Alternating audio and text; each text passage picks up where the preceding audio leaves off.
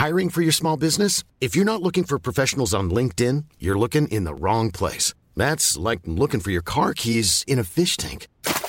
LinkedIn helps you hire professionals you can't find anywhere else, even those who aren't actively searching for a new job but might be open to the perfect role. In a given month, over 70% of LinkedIn users don't even visit other leading job sites. So start looking in the right place. With LinkedIn, you can hire professionals like a professional. Post your free job on linkedin.com slash people today.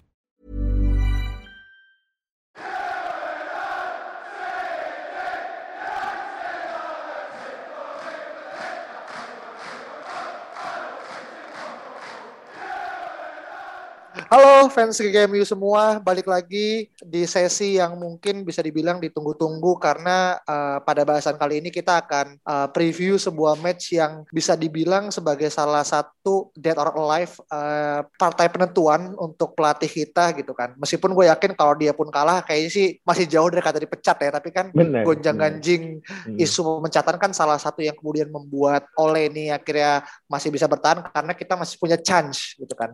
Untuk kemudian kemudian uh, menjuarai gitu kan. Tapi kalau misalkan kita bahasannya lebih kepada positif kayaknya nggak terlalu seru-seru banget. Apalagi kita punya pengalaman yang cukup negatif ya pada laga-laga penting gitu kan semifinal. Dan juga kita belum pernah nyentuh final ya di bawah oleh jadi mungkin belum ini menjadi salah satu bentuk pertaruhan yang cukup uh, apa ya uh, bisa dibilang deg-degan juga buat gue sebagai fans MU dan gue yakin Alvin dan juga Saung pun juga sama gitu kan.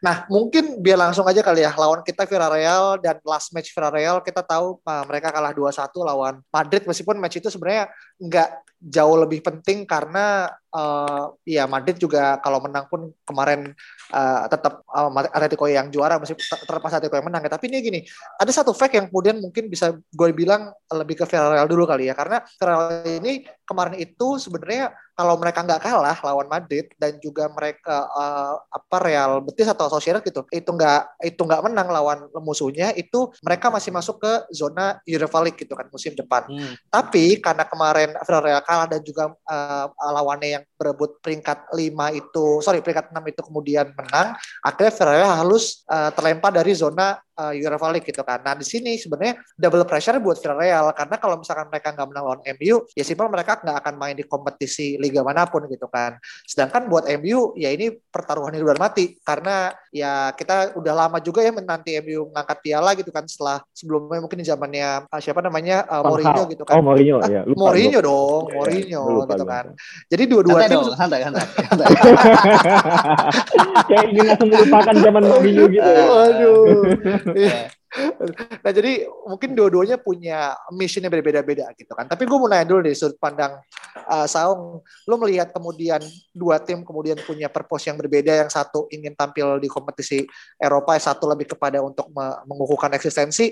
Lo melihat akhirnya posisi MU menuju ke final nih membaca situasi kemarin gimana jadinya Om? Karena MU kan sudah posisi dua nih dalam arti kan kayak Liga Champions juga udah udah terkunci gitu kan. Tidak ada pressure kayak um, kalau nggak salah waktu Mourinho menang itu kita di luar top 4 ya kalau nggak salah ya. Iya. Jadi ada ada ada ada pressure kalau kita nggak menang uh, Europa League kita nggak akan main Liga Champions nih gitu. Tapi emang ini fokusnya udah beneran final nih dalam arti memang beban pundaknya itu memang dapat trofi gitu. Dan ini kesempatan yang bagus juga buat Ole untuk untuk mengukuhkan progresnya gitu. Memang tidak tidak bisa kita juga tidak bisa menampik bahwa progres Ole ini kan memang beneran kelihatan gitu dari dari apa dari pertama kali dia pegang Manchester United sampai sekarang itu emang emang ada progresnya gitu. Cuman kan kita butuh trofi nih. Lagi-lagi kita butuh trofi gitu. Saya kita bilang kita butuh trofi dan ini kesempatan yang bagus untuk Ole untuk mengukuhkan hal tersebut. Tapi kalau misal kita lihat dari segi Villarreal gitu. Villarreal nih tadi kan uh, dia sempat mention kalau dia nggak main di liga mana pun ya. Gue mau remind ada liga baru Eropa yeah. Namanya UEFA hmm. Conference League. Nah, Benar. Villarreal nih masuk masuk Benar. UEFA Conference League nih. Hmm. Nah, gue nggak yakin mereka mau main di UEFA Conference League gitu karena maksudnya ini gue gue sempat sempat lihat trofinya ya kan trofi kan kalau saat tadi sore baru dirilis gitu hmm. itu bentuknya selek banget kan Tunggu ya, gue coba. like, betul, jadi kayak malah lebih pressure-nya tuh lebih ke Villarreal sih. Kalau misalnya dia nggak menang Europa League ya dia harus mau main di Conference League gitu. Kalau menang ya memang memang layak untuk untuk untuk masuk di Liga Champions menurut gue sih gitu. Hmm. Oke oke, gue baru, gue baru tahu ya. Ntar mungkin gue bisa baca ulang terkait dengan apa conference league itu. Gue nggak tahu yang masuk dari conference league ini adalah mereka yang di bawah dari UEFA League atau memang simple ada undian atau segala macam. Tapi uh, thank you banget udah memberikan informasi Ung. Nah tadi kan sudut pandang soal lebih kepada sebenarnya beban berat ada di Villarreal gitu kan. Tapi kan kita kan bukan podcast Villarreal gitu. Ya betul. podcast MU gitu. Nah gue gue udah ke Alwin. Uh, setahun udah bahas terkait dengan apa namanya uh, kebutuhan akan meraih trofi gitu. Nah menurut lu sendiri Vin sebenarnya ada nggak sih sebenarnya beyond dari trofi sendiri yang kemudian lu melihat MU itu sedang mencoba mencari dalam posisinya sekarang mungkin di circumstance uh, sedang di final gitu Vin?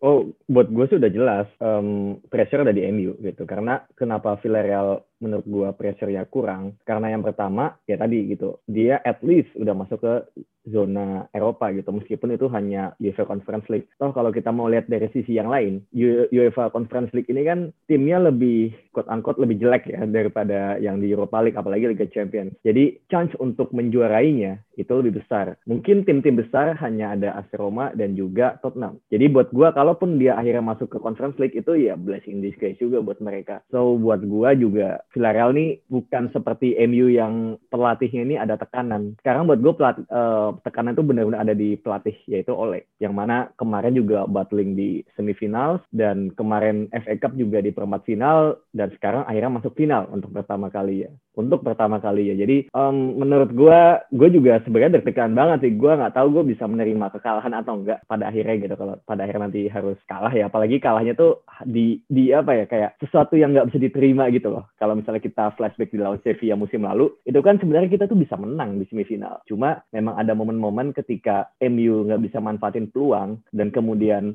di babak kedua agak ngedrop. Kemudian peluang itu dimanfaatkan oleh Sevilla dan itu disebabkan oleh blunder back kita sendiri gitu yang itu jarang terjadi sebenarnya. Dan ya itu akhirnya kita nggak bisa maafin tim kita sendiri pada akhirnya gitu. Dan gue khawatir itu terjadi. Apalagi Harry Maguire kemungkinan besar gue sih nggak yakin main gitu. Gue ya um, 80% lah gue nggak yakin dia main. Kalaupun dia main gue malah agak khawatir kalau tiba-tiba dia nggak bisa lari gitu. Jadi main sih menurut gue bro. Menurut lo main? Oke. Okay. Gue gue gue Oke, okay. gue sebenarnya berharap yang terbaik sih buat Harry Maguire gitu. Maksudnya, yeah, yeah. kalau kalau kalaupun pada akhirnya nggak dimainkan, karena emang for uh, his goodness ya it's okay anyway gitu. Sama gue juga takut apa ya kayak terlalu dipaksakan dan kalau kita ingat ya beberapa musim lalu Smalling itu pernah cedera tapi dipaksain main akhirnya kebobolan oleh Leicester. Golnya Maguire menit 90 sekian gitu. Gue inget banget itu gara-gara Smalling nggak bisa lompat lagi gitu. Jadi gue agak khawatir ya sama dan gue percayalah oleh punya yang terbaik. Jadi buat gue pressure benar-benar di MU apalagi oleh benar-benar butuh sebuah trofi yang benar dibilang Sawung bahwa oleh ini butuh sebuah um, apa ya bukti bahwa progres itu nyata gitu. Nggak cuma progres dari segi poin, gol, permainan, look show, Bruno, Cavani, tapi trofi yang benar-benar bisa dibahas terus-terusan gitu. Buat gue itu sih. Jadi pressure di MU. I see.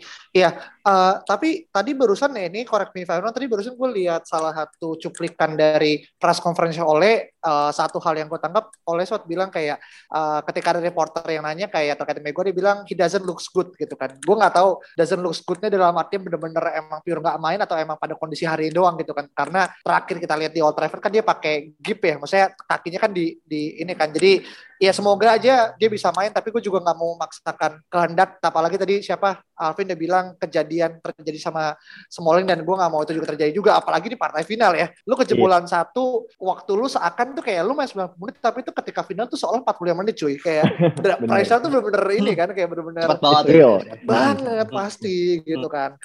Nah ngomong-ngomong nih masalah uh, uh, musuh kita Villarreal gitu kan. Ini ada fakta menarik nih yang gue baca gitu kan. Ternyata Villarreal tuh di campaign UEFA League sekarang dia tuh belum pernah kalah satu kali pun gitu dari mulai awal fase grup sampai dengan akhir tuh dia belum pernah kalah gitu kan. Dan yang paling uh, apa namanya uh, menariknya adalah dari 14 match yang dia mainkan sampai sejauh ini dia cuman satu kali dia nggak nyetak gol dia itu di uh, leg kedua pas lawan uh, Arsenal. Arsenal gitu kan okay. dan menurut gue ini cukup uh, cukup apa ya cukup impresif uh, terlepas mungkin di, di posisi La Liga dia peringkat 7 gitu kan tapi menurut gue ketika lu compare antara Liga dan juga UEFA League pasti prioritas beda kan dan gue yakin Unai Emery punya fokus yang sangat-sangat di final gitu. Dan juga kalau kita ngomong secara kapabilitas pelatih gitu kan, sorry to say, ya Unai Emery ini udah kalau misalkan dia menang besok ini titel keempat dia menang di uh, apa Europa League gitu kan. Jadi menurut gue sih kita nggak bicara masalah pemain ya, tapi pelatih pun kadang bisa menjadi satu faktor kunci gitu kan. Hmm. Nah ini gue mau ke Saung nih, lu seberapa yakin dengan tactical Ole dibandingkan dengan Emery yang mungkin anggap wah dia mungkin nggak susah di Arsenal, tapi the fact say so gitu, dia bisa tiga kali juara liga apa namanya UEFA League gitu kan dengan tim sebelumnya gitu. Lu mulai oleh dengan kapasitas dia sebagai legend dan juga mungkin beberapa kali mengantarkan MU sampai uh, final-final dan di final gimana dia bisa kemudian beradu mastermind dengan seorang Unai Emery. Iya, kalau misalnya untuk untuk tactical side sih gue nggak bisa bicara banyak kayak menurut maksudnya dalam arti gue tidak hmm, setiap minggu nonton Villarreal mereka main dengan taktik apa gitu. Tapi uh, seperti yang lo bilang tadi ada faktor-faktor yang mungkin lebih besar dari sebuah taktik itu yaitu motivasi gitu. Motivasi antara pelatih dan juga pemain itu sendiri. Manchester United ini kalau nggak salah udah empat musim tanpa gelar sama sekali gitu kan. Dan uh, seperti yang Alvin bilang pressure-nya itu ada di Ole gitu. Mungkin uh, secara gaya permainan Manchester United sekarang itu menurut gue udah jauh lebih baik daripada uh, waktu Mourinho gitu loh. Dalam arti dalam sepanjang musim ini kita sudah udah udah disajikan dengan permainan-permainan yang menarik gitu. Dan kalau misalnya kita lihat adu head to head antara Ole Gunnar Solskjaer dengan apa pelatih-pelatih yang mentereng lainnya gitu. Kayak Marcelo Bielsa kayak Pep Guardiola kayak Jurgen Klopp atau uh, siapa namanya pelatih Everton Moyes. itu David Moyes Moyes. Waduh, Maksudnya, ini mau mau dihilangin sejarah lagi nih. Carlo Ancelotti gitu loh. Maksudnya bisa bisa bisa diadu gitu. Dan head to headnya memang memang oke okay gitu. Bahkan tuh Mas Tuchel dengan Neymar dan Mbappe aja mereka bisa bisa head to head dengan dengan oke okay gitu. Bahkan kita bisa menang di practice Princess kan. Uh, salah satu uh, faktor kunci yang Ole itu jauh lebih baik daripada pelatih-pelatih sebelum di Manchester United itu sampai sampai bisa di titik ini adalah man managementnya gitu. Dan gue yakin man management Ole di final, apalagi 26 Mei ini kan sama uh, on this on this day ya, 26 Mei itu kalau nggak salah Triple 99 juga itu 26 Mei juga. Jadi ada ada ada faktor-faktor motivasi yang bisa didorong oleh untuk mengeluarkan segala kemampuan pemainnya di final. I see, I see. Iya, gue setuju sih. Maksudnya memang dari Asaung pun mengafirmasi bahwasanya kadang ada banyak faktor yang kemudian uh, apa namanya menjadi faktor kunci dari sebuah pertandingan dan juga uh, apa apa over apa on the top of that fans sudah mulai bisa masuk ya besok ya ke benar, benar. Yes, gedang yes. gitu kan. Jadi itu hmm. bisa jadi salah satu enigma tersendiri untuk sebuah pertandingan di mana ya keberadaan fans bisa menjadi salah satu bentuk faktor kunci apalagi kemarin kita sudah sempat disambut di Old Trafford dan menurut gue hype-nya keberadaan supporter tuh bisa memberikan eh, supporter sendiri lah untuk kemudian MU sendiri. Yeah. Nah, gue mulai ke ini nih ke Alvin gitu kan karena jadi gini Vin, uh, eh, MU sama Villarreal ini udah ketemu empat kali gitu kan. Ini bicara fakta gitu kan. Uh, dan di empat kali pertemuan terakhir MU sama Villarreal ini terjadi di Champions League gitu. Ada tahun 2000-an sampai dengan saat ini gitu. Nah yang lucunya adalah dari empat kali pertemuan itu selalu ber berujung seri dan tidak pernah ada satu gol pun yang tercipta dari empat player tersebut. Menurut gue ini menarik banget gitu kan. Di mana sebenarnya kita belum punya sejarah um, mencetak gol ke gawang Villarreal. Jadi siapa pun yang besok akan mencetak gol, it could be one of the historical juga buat pemain tersebut gitu kan. Dan menurut gue it's the time untuk kemudian kita mengakhiri apa namanya endless goal kita gawang Villarreal dan juga kita mengukuhkan kemenangan pertama kita gitu kan. Nah uh, dengan fakta yang kemudian seperti ini dan ditambah juga cara permainan Villarreal kalau kita lihat menggunakan tipikal low block gitu kan dan dan Alvin juga kemarin lihat pada Real Madrid bagaimana kemudian ya kita sering kesulitan lah ngelawan tim-tim seperti Villarreal ini uh, gimana akhirnya lo melihat terkait dengan formasi yang kemudian akan dipakai oleh terkait dengan ya permainan Villarreal kemudian akan akan hmm. Mosaki akan menjadi momok juga buat buat uh, tipe yang akan MU lawan uh, Vin. Um, ini dia bisa baca pikiran gue kayaknya. Gue tadi mau ngomong tentang hal yang sama loh padahal sebelum lu tanya. tapi tapi tiba-tiba ditanya tapi oke okay, um, jadi sebenarnya mungkin gue koreksi sedikit kali ya jadi sebenarnya Villarreal ini um, mainnya nggak low nggak low block tapi dia cukup high line gitu tadi gue sempat uh, nonton video analisisnya uh, bahwa mereka itu back sayapnya benar-benar tinggi banget ketika maju kanannya itu Mario Gaspar kirinya gue lupa siapa tapi uh, sub substitusinya itu adalah Alberto Moreno nya Liverpool dulu gitu. Jadi back sayap ini maju banget dan menyisakan dua di tengah. Uh, maksudnya dua dua back tengah yaitu Albiol sama Pau Torres ya back yang kita incar. Dan biasa itu nanti ada satu gelandang DM yang bakal mundur jadi tiga gitu. Biasa itu kalau nggak si Parejo atau Kapu atau Kokelang, Kokelangnya Arsenal yang dulu pernah di Arsenal gitu. Jadi mainnya tinggi dan juga depannya bisa uh, apa namanya dengan dua striker atau tiga striker gitu. Dan salah satu strikernya yang menjadi striker yang cukup menakutkan adalah Alberto, uh, bukan bukan, Gerard Moreno kalau nggak salah namanya. Gerard Moreno. Iya, Gerard Moreno. Dia cetak sekitar 23 gol di uh, La Liga sebagai runner up pencetak gol terbanyak di bawah Lionel Messi dengan 30 gol. Dan um, menurut gue itu salah satu hal yang cukup ini ya menak uh, bisa dibilang menakutkan ya. Ditambah lagi ternyata ini gue juga baru lihat statistiknya Villarreal di La Liga bahwa Villarreal itu mencetak 60 gol dan itu tertinggi keempat di La Liga setelah Barcelona 85 gol dan Atletico dan Madrid 67 gol. Jadi cuma terpaut 7 gol dengan duo Madrid itu padahal Villarreal ini di peringkat ke-7 jadi buat gue ini sisi menyerangnya Villarreal ini memang bagus banget karena tadi itu berarti uh, yang gue bilang juga valid juga bahwa mereka tuh high line defense bermain menyerang dan tidak hmm. takut hmm. untuk menyerang gitu. Namun memang kebobolannya cukup banyak ya 44 gol itu dari tujuh besar itu tertinggi kedua gitu. Jadi karena highlight defense-nya terlalu tinggi sangat rawan untuk kena counter gitu. Ini mirip sama mungkin kalau kita lihat di Liga Inggris mirip seperti Southampton atau juga Leeds United yang mana ini sebenarnya lawan-lawan yang kita bantai ya kan. Jadi sebenarnya um, kalau yeah. misalnya MU bisa memanfaatkan um, peluang-peluang dengan baik, lebih klinikal dan juga bermain seperti melawan uh, Soton dan juga Leeds di liga gitu. Menurut gue peluangnya sangat terbuka. Apalagi pemain kita juga bisa dibilang kuat dari segi stamina. Kalau kita tahu ada Fred, ada McTominay, ada Daniel James, meskipun gue gak yakin yang James bakal main ya, tapi press, um, stamina-nya bagus. Meskipun dari segi pressing-nya jelek. Pressing itu kan bisa dibilang harus ini ya, harus uh, kolektif. Nggak bisa cuma satu orang doang. Dan yang kita lihat itu MU pressing-nya kadang-kadang suka nggak jelas. Cuma satu orang doang, terus belakangnya baru ngikut gitu. Jadi pressing itu nggak akan efektif. Tapi dari segi ngejar pemain, buat gue MU cukup kuat. Jadi dari uh, dan MU ini kan tim yang sangat adaptif ya. Jadi kalau misalnya melawan tim yang lebih besar, yang lebih lebih menyerang, kita bisa bertahan dengan baik dan kemudian counter attack dan itu senjata utama kita. Dan kalau kita pun harus membongkar low block, menurut gue nggak lagi yang sesulit itu karena kita punya Bruno Fernandes dan juga Pogba dan juga kita punya seorang Edinson Cavani yang pandai mencari ruang. Dan buat gue harusnya ya dari taktikal uh, penjabaran taktikal yang tadi gue bilang itu MU bisa mengalahkan mereka gitu. Harusnya ya. Hmm. Cuma okay. masalah, masalah mentalitas ini bisa berubah pada akhirnya ketika misalnya pemainnya grogi dan tapi gue gue yakin ya 10 menit 15 per, menit pertama MU bakal grogi parah. Gue bisa membayangkan itu.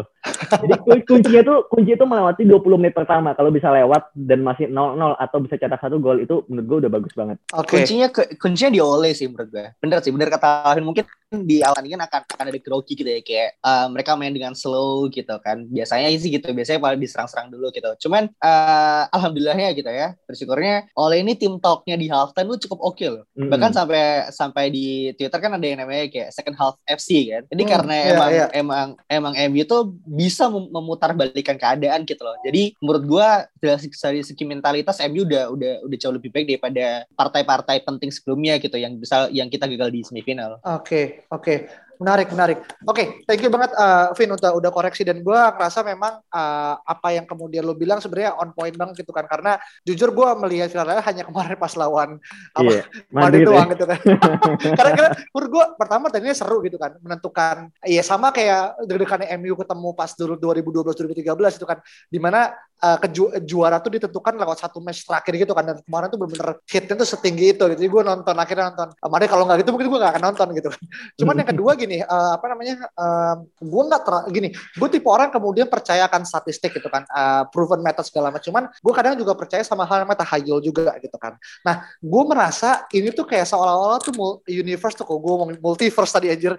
universe tuh di universe ini seolah-olah memberikan tanda sebenarnya dua Manchester ini bisa berjaya gitu. Yang satu main di UEFA League ya tuh main di Champions League gitu kan. Dua-duanya main cuma beda jeda hari doang gitu kan.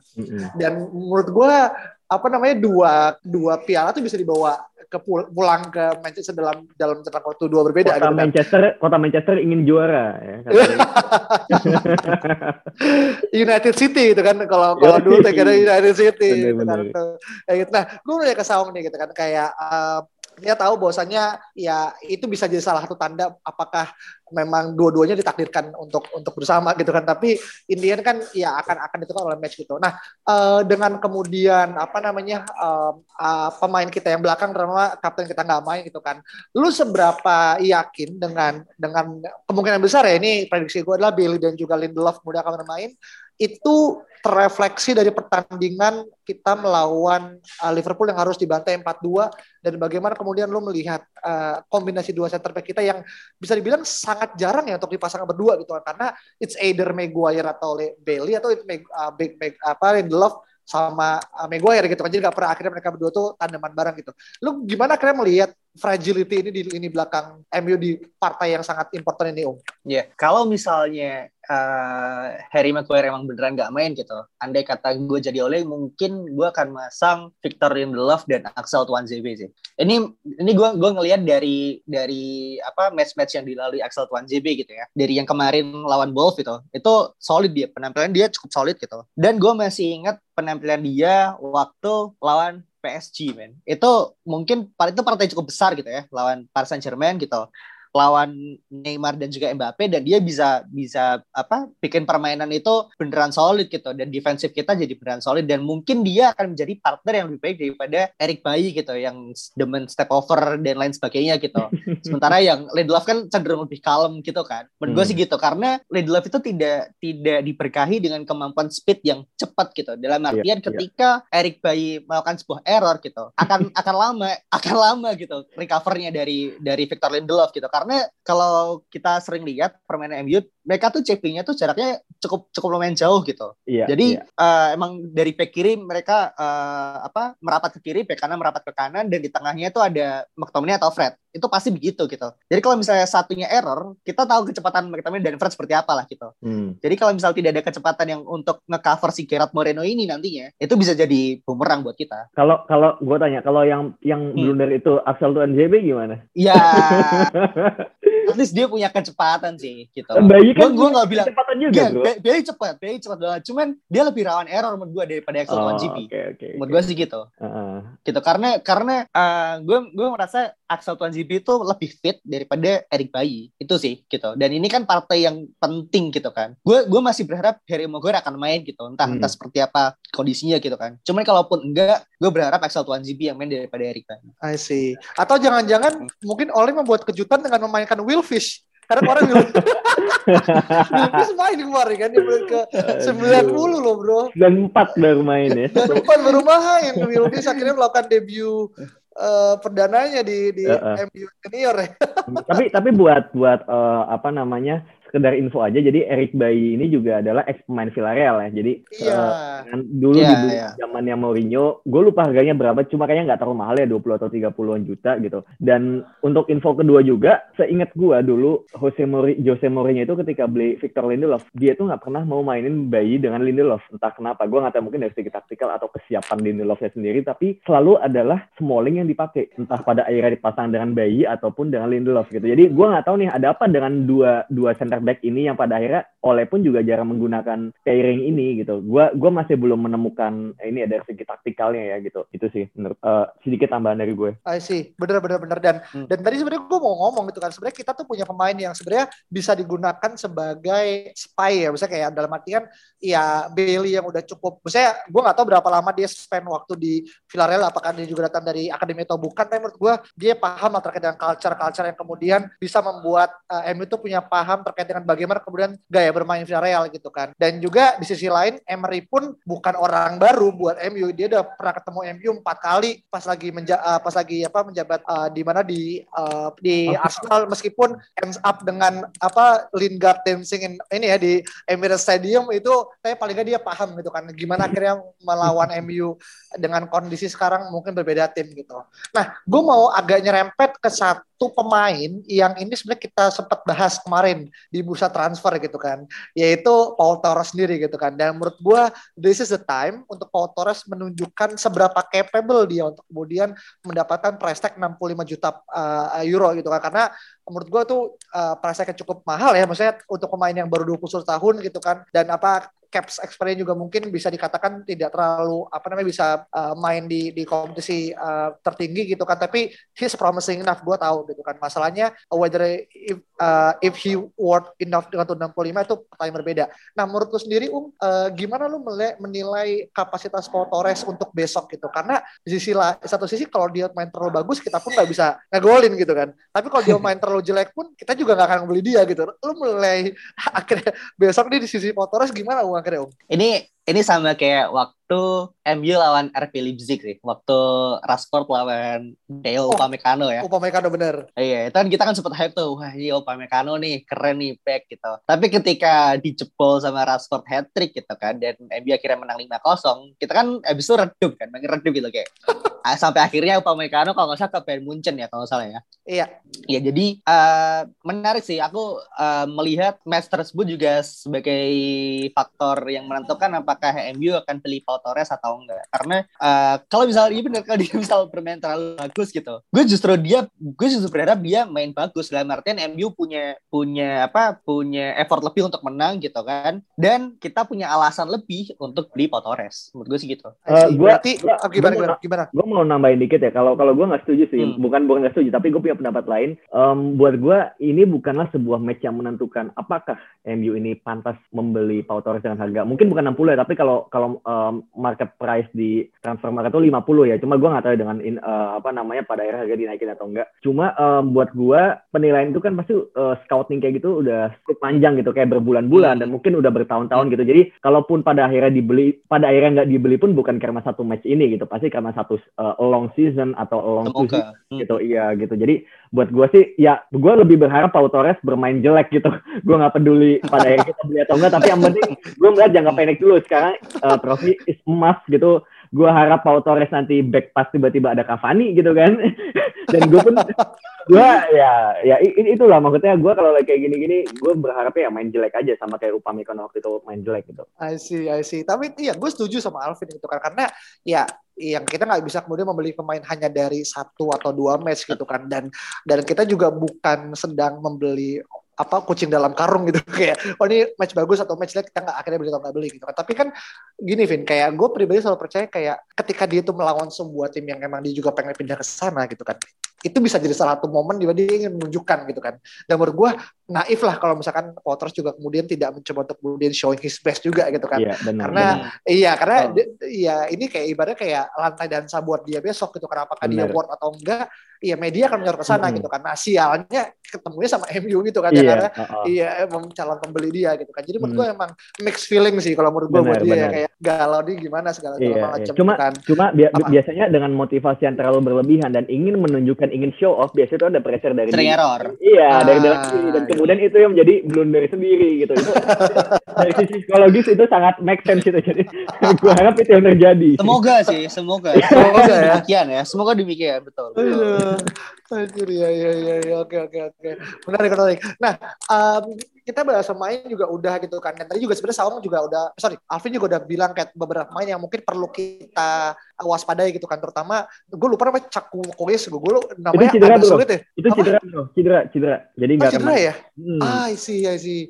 Karena kenapa gue mention itu? Karena kemarin gue baca transfer kan, di mana di, di Twitter, pemain itu ternyata cukup diincar sama beberapa tim gitu kan. Benar, Even benar. Liverpool pun juga akhirnya chasing after him juga. Dan menurut gue, untungnya ya, untungnya dia cedera. Jadi, iya. ya oke okay lah, apa, masih bisa jadi salah satu bentuk kayak gitu. Nah, yeah, kalau yeah. misalkan dari Saul nih, uh, lu siapa sih main yang menurut lu bisa jadi salah satu faktor kunci yang akhirnya membedakan Villarreal besok di partai final? Ini Villarreal ya? Iya. Gerard Moreno sih menurut gue. Oke. Okay. Dengan dengan statistik yang dia punya di La Liga gitu, itu cukup, uh, maksud gue cukup cukup menjadi momok sih, cukup menjadi ancaman gitu untuk untuk untuk defensive Manchester United. Karena kita tahu sendiri MU defense-nya lagi lagi katro gitu kan, dan kita dari dua match tiga match terakhir tanpa Harry Maguire juga kita gampang gampang banget gitu untuk untuk hmm. untuk dijebol. Hmm. Jadi menurut gue Gerard Moreno sih. I see. Oke. Okay. Nah itu kan hmm. dari ini. Kalau dari Luvin, siapa main MU yang kemudian dianggap bisa menjadi salah satu kunci pembeda dan bisa jangan-jangan bisa jadi MOTM atau mungkin bisa jadi salah satu pencetak gol yang akhirnya menentukan MU menang. Kira-kira siapa akhirnya? Satu pemain Luvin. Oh, gue sih berharap ditanya pemain Villarreal ya. Tapi oke okay lah kalau misalnya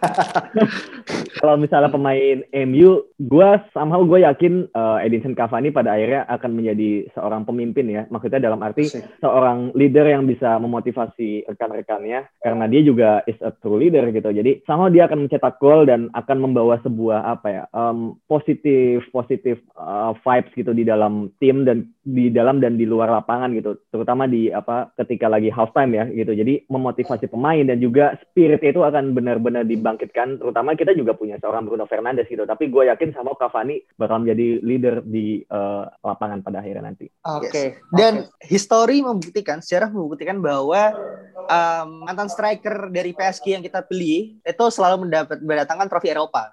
Oke. Okay ya kan? Contohnya adalah Zlatan Ibrahimovic gitu. Tapi kalau misalnya ada satu pemain Manchester United ya, gue gue bilang Manchester United ya. yang menjadi faktor kunci menurut gue adalah siapa kiper yang akan dimainkan nantinya. Wah ini dia nih. Buat ya. sesi baru ini. Antara antara antara David De Gea atau Dean Henderson karena gue sempat melihat beberapa thread gitu di Twitter cukup rame gitu. Siapa yang mau siapa yang mau oleh mainkan gitu di di match tersebut. Menurut kalian sendiri gimana? Lu gimana, Vin?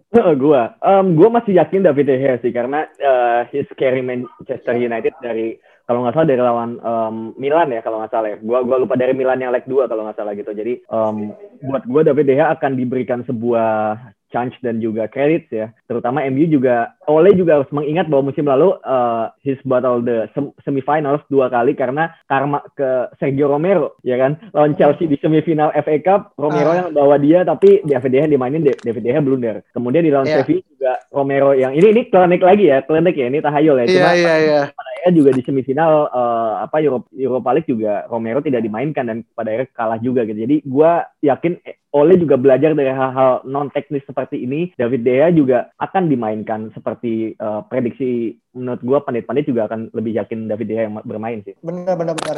Dan juga gue ngerasa kayak ya pengalaman ya karena Iya dia udah pernah main di apa di uh, di beberapa final juga sebelumnya kan saya not mentioning only in all regime gitu kan tapi di, di bahkan even in Sir Alex bahkan zaman now segala macam dia udah terbukti jadi umur gue sih ya gue akan juga sama sama kayak Alvin akan akan memilih kiper yang kemarin tidak main pas lawan apa namanya uh, Wolves kemarin gitu kan. Yeah.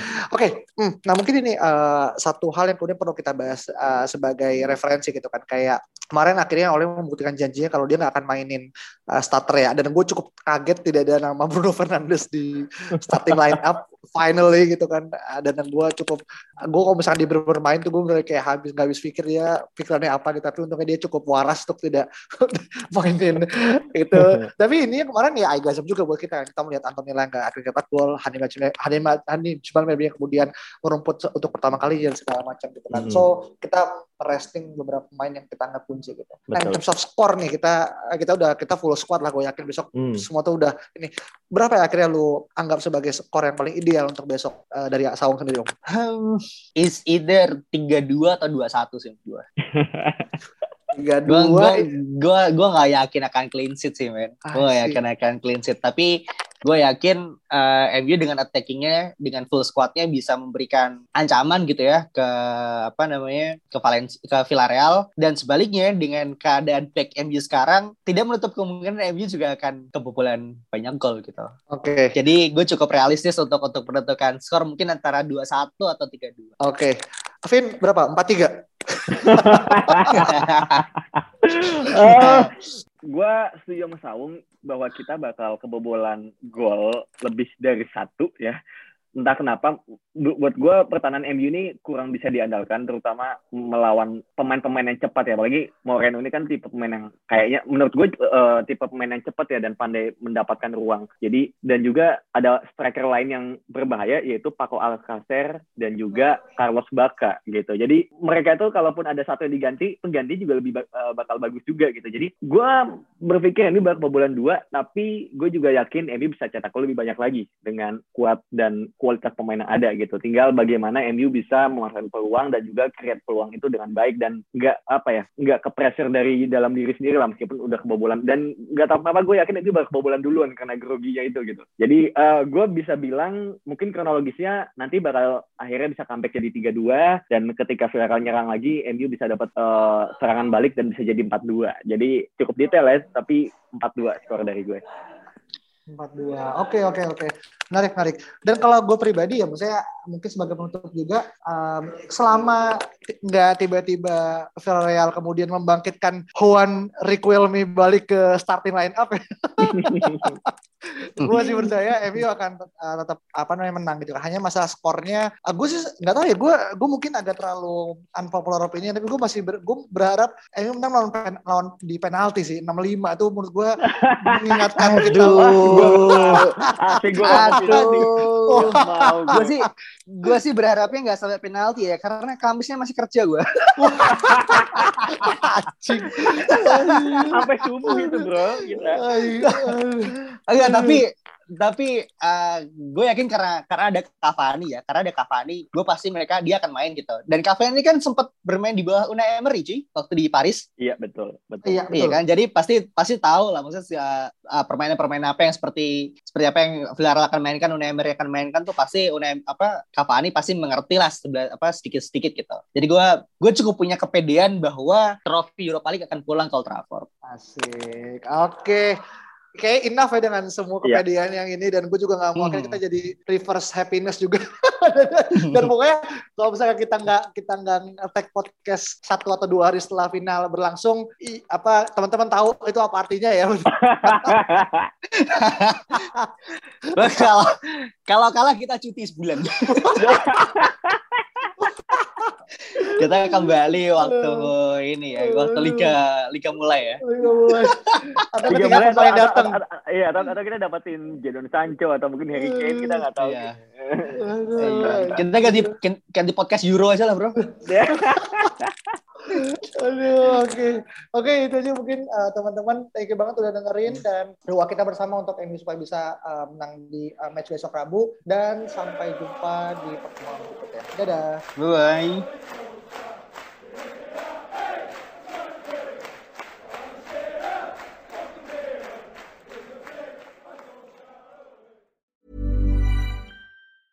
Planning for your next trip? Elevate your travel style with Quince. Quince has all the jet setting essentials you'll want for your next getaway, like European linen, premium luggage options, buttery soft Italian leather bags, and so much more. And is all priced at 50 to 80% less than similar brands. Plus, Quince only works with factories that use safe and ethical manufacturing practices. Pack your bags with high-quality essentials you'll be wearing for vacations to come with Quince. Go to quince.com slash pack for free shipping and 365-day returns.